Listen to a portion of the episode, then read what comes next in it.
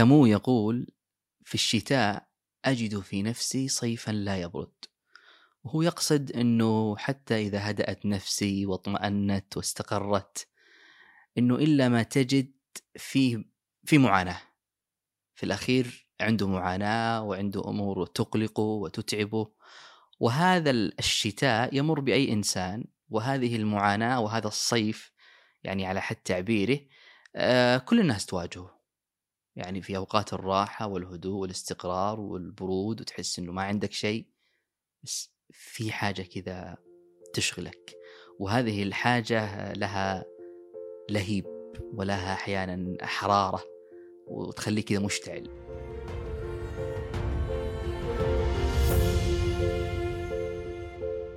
هذا أنا رشاد حسن وهذه أمسية جديدة من أمسياتنا. نطلبكم الاشتراك في القناة ومشاركة هذه الحكاية أو الحكايات السابقة مع من تحبون وربما كذلك مع من تكرهون. ومن منكم يحب أن يستمع إلى هذه الحكاية أو إلى الحكايات السابقة يجد روابط قنوات مذياع أو الصوتية في الوصف. لكن وأنتم ذاهبون تستمعون إليها أو تشاركوها. بشويش على أصابعكم صدقني لو فتشت في قصص وأخبار الناس لتجد عجبا من معاناتهم. وترى كل إنسان عنده معاناته الخاصة. السخيفة. أنا ما ودي أسميها سخيفة لأنها قد تكون سخيفة في عيني وعينك لكنها في عيني كبيرة من الكبائر وعظيمة من العظائم. وترى هذه المعاناة لا يستطيع الناس أن ينفكوا عنها. كل إنسان عنده معاناته بحسب واقع حاله وأحواله. ما يقدر ما يقدر ينفك عنها. وأظنها حتى قد تكون هي حلاوة الحياة. يعني هي التي كذا يحس يحس ب ب ب ب بحياته بعيشه بوجوده من من هذه التفاصيل التي تقلقه وهي تقلقه هو فقط. قد لا تقلقني أنا ولا تقلقك أنت. يعني عادي معاناتي أنت تعايش معها وتشوفها ولا شيء. وفي المقابل قد أنظر أنا كذلك إلى معاناتك وأشوفها أنك أنت مكبر الدنيا هي ولا شيء. والسعيد طبعا معروف أنه هو من يتعظ بغيره. لكني أظن في كثير من الأحوال قد يكون السعيد هو من يتعظ بنفسه من يتأمل في نفسه ويجد لها مخارج. مثل ما يقول اميرسون أن كل شيء يجري حول الإنسان أو يكون حول الإنسان من أمور كبيرة وعظيمة يقارنها أو لا يراها شيئا مقارنة بما يكون في داخله في نفسه. وهذا سبحان الله واضح. تجد مثل ما قلت لك إنه آه، مصائبك وهمومك وأحزانك ومعاناتك أنا لا أعدها شيئا لأن ما عشتها. ولكنها قد تكون هذه المصائب الكبيرة العظيمة اللي أنت تعيشها بمشكلة سخيفة معاناة سخيفة عندي آه، أنسف كل هذه المعاناة اللي عندك. فقط مقابل هذه معاناتي الخاصة اللي أنا يا أخي ترى والله هموم الدنيا كلها فوق راسي. وهذا سبحان الله واضح ترى. تجد إنه إحنا دائما نسخف من مصائب وهموم وأحزان ومعاناة الناس. لكننا نعظم ونكبر من مصائبنا وهمومنا وأحزاننا. يعني مصيبتي تراها أكبر من مصيبتك وإن كانت سخيفة لكنها أكبر.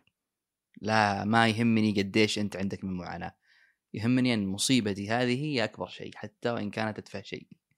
والسعيد هو من يستطيع أن يجد في همومه وأحزانه ومعاناته مخرج. يعني خذ مثالا لما أقرأ مثلا اليوم في في الأدب غير المعاصر في أدب المتقدمين هذا.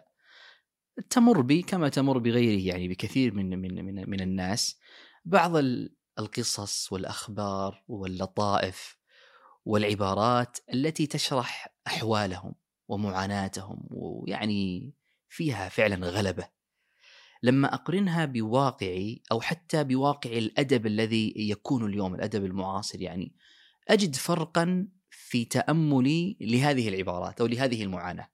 وإن كان يتكلم عن معاناته مع مثلا خليني أقول لك مع عيشه مع نفقته مع دخله يعني. لما تنظر فيها تتأمل فيها تجد فعلا في واقع حاله وأحواله آه يعني أمور عويصة تكالبت وتكاثرت وصقلت هذا الأديب أو هذا الكاتب واستطعمت هذه العبارة وهذه المعاناة. وقد يكون حتى في في الأدب المعاصر اليوم شيئا من هذا لكن واقع أحوال الناس هو الذي يعني آه خليني أقول لك يدسم لك المعنى يجعل المعنى فعلا آه معنى عظيما محسوسا يعني وعطفا على ما قلناه ترى إحنا ما نستطيع أحيانا أن نستوعب كثير من قصص وأخبار ومعاناة الناس لأن حدود عقلنا منوطة بحدود واقعنا. مثل ما يقول جوتا يعني الإنسان يرى في العالم ما يحمله في قلبه. فانت تنظر إلى العالم وإلى معاناتهم بهمومك أصلا بأحزانك أو بعدسة قلبك. يعني حتى إذا أحد من الناس قص لك قصة أو حدثك عن تجربة مر بها وأنت ما جربت ولا وما ما مرت بك هذه التجربة ترى لا وإن فهمتها واستوعبتها وأدركتها وفطنت لها ترى ما تحسها مثل ما هو يحسها. مختلف المعنى. ليس الخبر كالمعاينة. وقس على هذا لما أقص لك عن قصة حدثت زمان أو تقرأ يعني خبرا في أدب المتقدمين وتقارن هذا بواقع زماننا اليوم. وتعرف أنه زمانهم كان متغير كانت فيه المعاناة مختلفة حتى معنى الحزن كان معنى مختلف. بفقه الواقع الذي عاشوه في ذلك الوقت يعني. آه، قد تشعر أن في في هذه القصة وفي ذلك الخبر نوع من المبالغة. وهو ما في نوع من المبالغة اللهم أنه نوع من حدود المنطق الذي ننظر به للأشياء.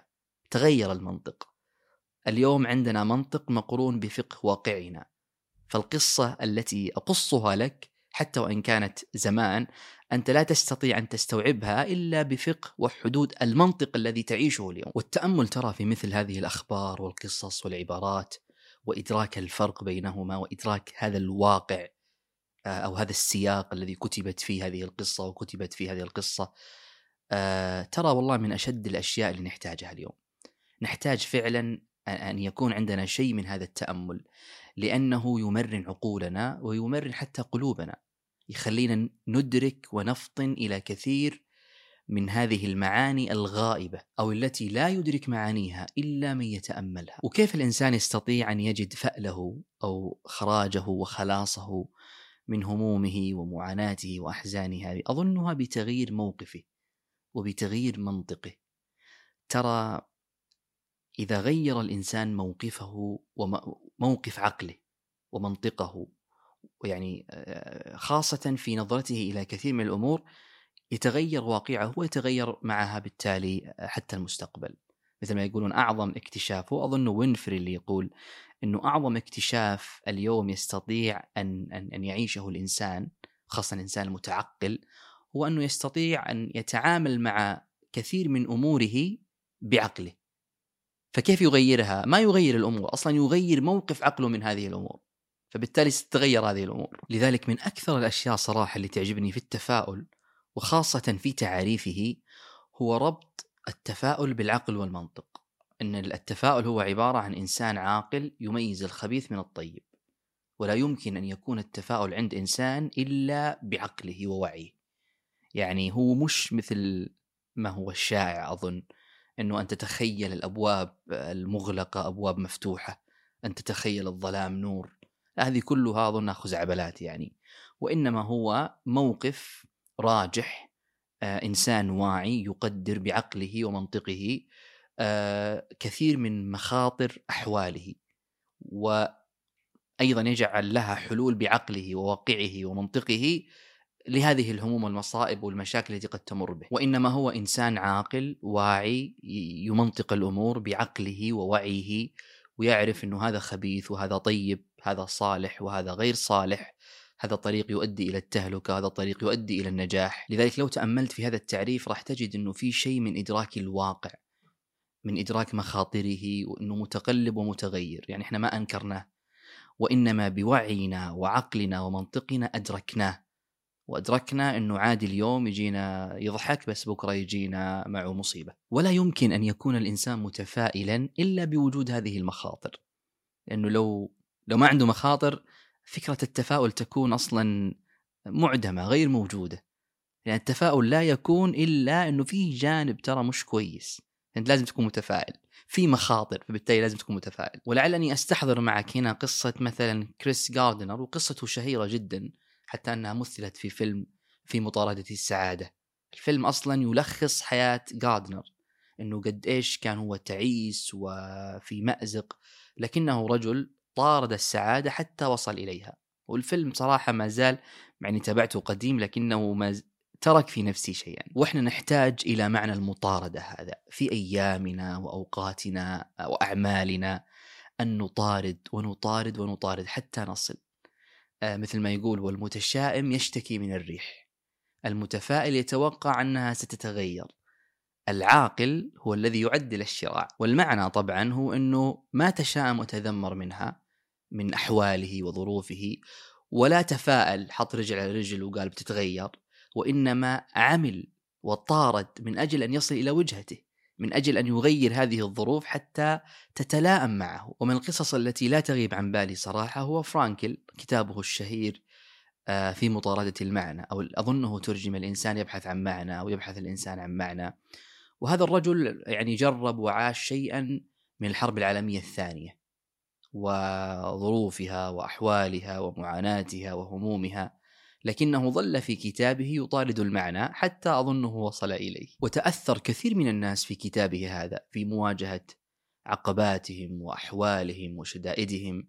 لذلك لما تستبصر قصته وتتأمل فيها وفي حاله وأحواله وما أخرجه إلى الناس تجد فعلا فيه شيئا من مضاردة المعنى الذي قد يكون وصل إليه، وحتى ألخص لك كل شيء إحنا محتاجين إلى المطاردة، إلى الحركة. محتاجين نسوي اللي نقدر عليه. نسويه وكأنه سيغير الناس قبل أن يغيرنا، هو في الأخير ترى يمكن ما يغيرنا إلا إحنا، ويمكن حتى ما يغيرنا. لكنك محتاج إلى هذا الفعل إلى هذه الحركة إلى هذه المطاردة تحتاج تشوف لك وجهة تمشي إليها حتى تصل وإذا وصلت ما توقف لا تشوف لك وجهة ثانية وتمشي إليها حتى تصل. ولم أرى في عيوب الناس عيبا كنقص القادرين على التمام.